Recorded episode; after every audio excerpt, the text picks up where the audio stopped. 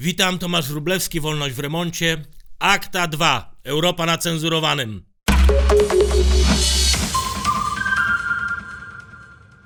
W teorii dyrektywa w sprawie praw autorskich, zwana Akta 2, ma być błogosławieństwem dla twórców i ofiar chaotycznego, pełnego oszustw, nienawiści rynku cyfrowego. Rzecz w tym, że Akta 2 nikogo nie ocali, a Europę, Europę jeszcze bardziej pogrąży w swojej izolacji. Akta 2 to w ogóle jest temat do pogadania.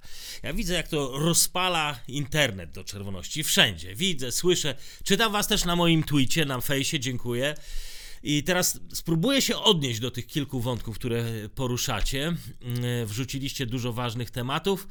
A tak w ogóle teraz jak na gorąco myślę, to może za tydzień zróbmy Q&A, pytanie-odpowiedź. Wy piszecie do mnie, a ja odpowiadam. Piszcie gdzie chcecie. W komentarzach pod tym filmem muszę pisać na Twitterze, na Facebooku, wszystko czytam, odpowiadam. A teraz akta 2. Dwa kluczowe tak naprawdę postanowienia w dyrektywie, artykuł 11 i 13, wprowadzają dwie nowe kategorie do prawa prasowego. Pierwsze to jest y, publikacja prasowa, jako treść należąca do wydawcy, i drugie, podatek od linków, płacenie wydawcom za cytaty czy tam odesłania. Zgodnie z dyrektywą, portale i serwisy internetowe zobowiązane będą do wypłacenia rekompensat wydawcom za wykorzystanie e, treści. Uwaga, wydawcom, wypłacanie wydawcom, a nie twórcom. Pośrednikom tak naprawdę. Autorzy dyrektywy wierzą, że ten taki jeden specjalny artykuł uratuje umierający przemysł. Mówimy oczywiście o tradycyjnych koncernach prasowych, które dziś masowo tracą e, czytelników. Nie, żeby od tego zapisu miało przybyć czytelników e, gazet czy tygodników, ale wydawcy będą mieli z czego żyć. Nawet jeżeli nikt już nie będzie kupował tych papierowych gazet, to jakoś im się to opłaci. Tak jakby e, ktoś opodatkował na przykład strony z ofertami najmu mieszkań albo booking.com po to, żeby agencje pośrednictwa miały z czego żyć, nawet jeżeli nikt nie będzie korzystał z ich usług. Dyrektywa zatrzymać czas w miejscu. Tak naprawdę powinna się nazywać Akta 2. Zgodnie z nią wydawcy będą sprzedawali serwisom internetowym licencje na prawo do linkowania, cytowania ich tytułów, a serwisy i portale społecznościowe ze swojej strony mają zagwarantować, że żaden link nie pojawi się bez licencji wydawcy. Teoretycznie dyrektywa nie wymaga instalowania na stronach specjalnych filtrów. Filtr to taki eufemist dla cyfrowej cenzury, która bez pomocy człowieka wyłapuje, co się nadaje do publikacji, a co się nie nadaje. Filtr, czyli unijna cenzura.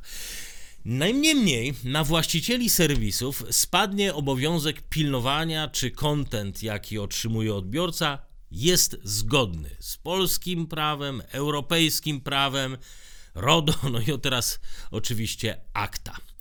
Tak czy owak, żeby uniknąć wysokich kar, właściciele będą musieli coś tam se zainstalować, jakieś systemy prewencyjnego cenzurowania. Dylemat, przed jakim stoją, to jak mają zaprogramować te filtry, maszyny.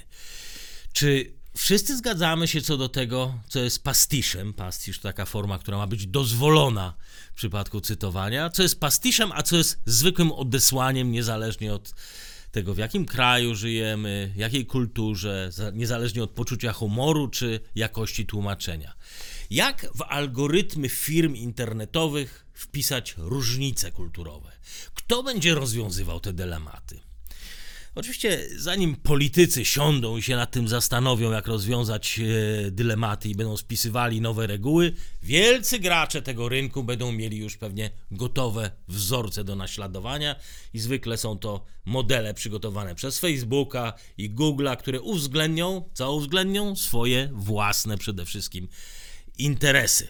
I one, te interesy, znajdą się w nowym prawie. Ja, jeszcze jest coś, o czym e, wspomniał nawet sam e, prezes Facebooka, Zuckerberg. Wspomniał e, podczas przesłuchań, to były przesłuchania w kongresie, im więcej narzucacie reguł, tym mniej będzie małych firm, które temu podołają. Większe firmy jak Facebook czy Twitter mają zasoby, mają ludzi i mają więcej możliwości przerzucania kosztów na klientów. Im to się pewnie uda. W takim na pozór zaskakującym tekście dla Washington Post Mark Zuckerberg ogłosił ostatnio uwaga, koniec ery otwartego internetu.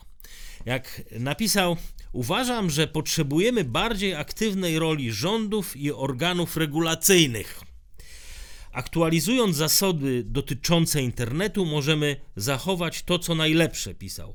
Wolność dla ludzi do wyrażania siebie i dla przedsiębiorców do budowania nowych rzeczy, jednocześnie chroniąc społeczeństwo, chroniąc społeczeństwo. Od roku to słyszę.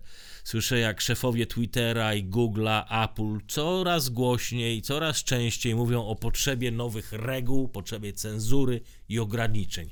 Tim Cook, dyrektor generalny Apple, w grudniu powiedział: Jestem wielkim zwolennikiem wolnego rynku, ale wolny rynek nie działa tu. Myślę, że to nieuniknione, że będzie konieczny pewien poziom regulacji. Mamy problem. Cook, Zuckerberg, czyli prezesi największych firm na świecie tracą wiarę w rynek. Mało tego, nie ufają swoim klientom, swoim użytkownikom, przestają być zwykłym dostawcą produktów, zaczynają być rządem, pouczają. Już we wspomnianym tekście dla Washington Post szef Facebooka pisał jeszcze: Jesteśmy odpowiedzialni za bezpieczeństwo ludzi, którzy korzystają z naszych usług. No, to oczywiście pięknie brzmi, dopóki ta odpowiedzialność nie oznacza, że czują się w obowiązku decydować też za ludzi, co mają mówić, co mają czytać, kiedy i kto ma być promowany, a nie kasowany na stronach, powiedzmy, Facebooka. Zuckerberg w Washington Post pisze, że rząd powinien mu pomóc Rząd powinien im pomóc w ustalaniu zasad nadzoru nad użytkownikami jego własnych usług.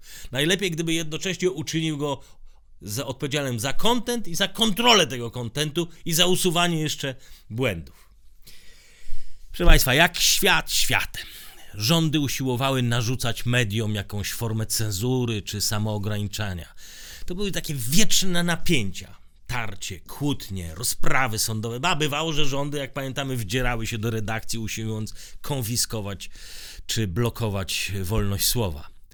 Ale jak świat światem, właściciele mediów zawsze byli po stronie, po naszej stronie barykady, przeciwko politykom.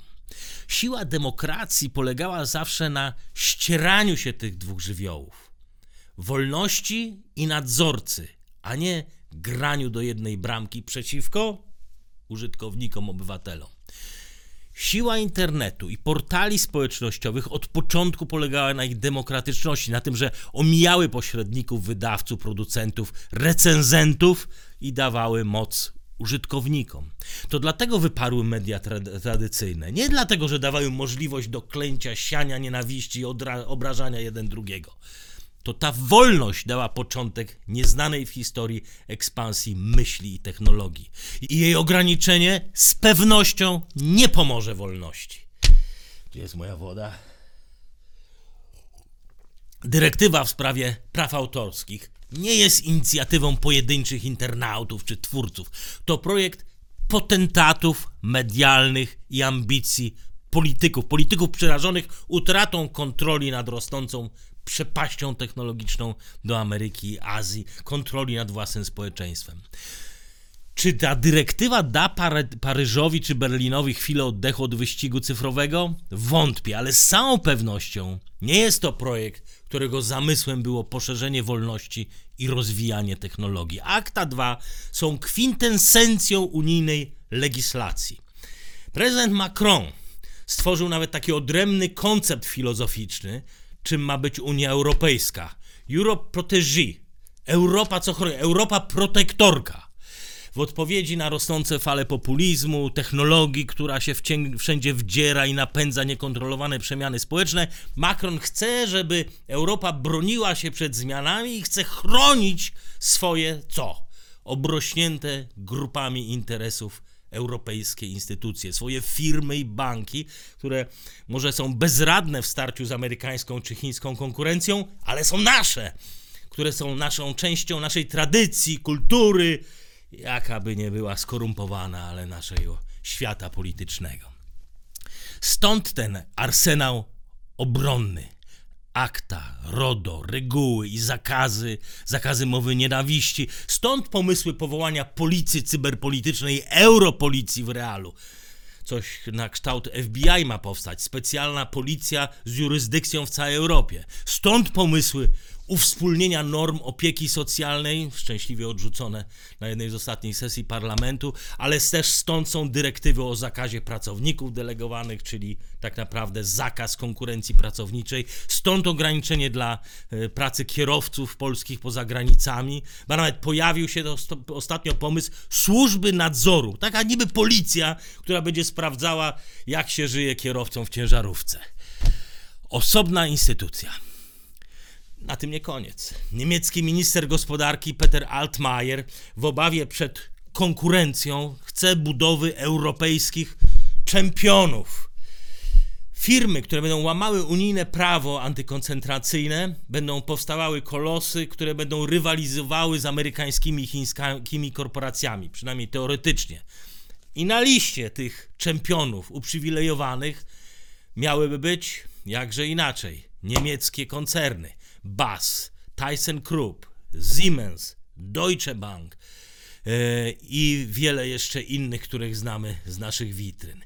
Niemcy chcą wolnej ręki do przejmowania mniejszych i słabszych graczy w całej Europie i oczywiście ze wsparciem pieniędzy unijnych.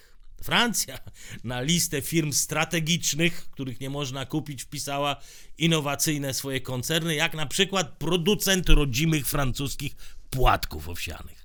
Ta sama Unia, która niegdyś wynosiła na piedestał kapitalizm, konkurencję i wolny rynek, wszystko to, co ratowało Europę przed e, socjalizmem, komunizmem, faszyzmem, dziś w imię ochrony swojego dobrostanu chce ograniczać konkurencję i las, lansuje twardy protekcjonizm. Jakbyśmy nie żyli w wolnej świecie, wolnej Europie, ale w jakiejś oblężonej twierdzy. Dzikie ludy od wschodu chcą zalać cywilizowany zachód tanią siłą roboczą. Od zachodu ten Trump, od południa ludy głodnej Afryki, które chcą dostępu do europejskich rynków, a od środka wiadomo, naziści, populiści, terroryści, islamiści, antyislamiści, wschodnioeuropejscy, antydemokraci, szowiniści, antyweminiści, co tam jeszcze. Twierdza Europa, oblegana przez tani cukier, szkodliwy tytoń, hamburgery, napoje gazowane, telefony z Chin, filmy z Hollywoodu, kierowcy z Polski, Netflix, Amazon, Twitter, Facebook, co jeszcze? Wróg czyha i tylko regulacje mogą uratować eurodobrostan. Cokolwiek świat wymyśli, Europa natychmiast to mu ureguluje. Otwartość na świat, coś co przez stulecia było siłą starego kontynentu dla eurokratów, jest dziś przekleństwem. I akta 2 tak naprawdę uderzają w serce dawnych wartości wolności, które kiedyś uczyniły ten kontynent wielkim. Uch, pamiętajcie o QA. Czekam na kolejne Wasze pytania. Piszcie do mnie gdzie chcecie, w komentarzach, e, możecie pod tym filmem albo na moim Twitterze czy Facebooku. Wszystko czytam, bo staram się już za tydzień odpowiedzieć. E, Zapraszam na kolejny odcinek. Wolność w remoncie na kanale YouTube Warsaw Enterprise Institute, a wersja audio w Spotify oraz e, w podcastach iTunes.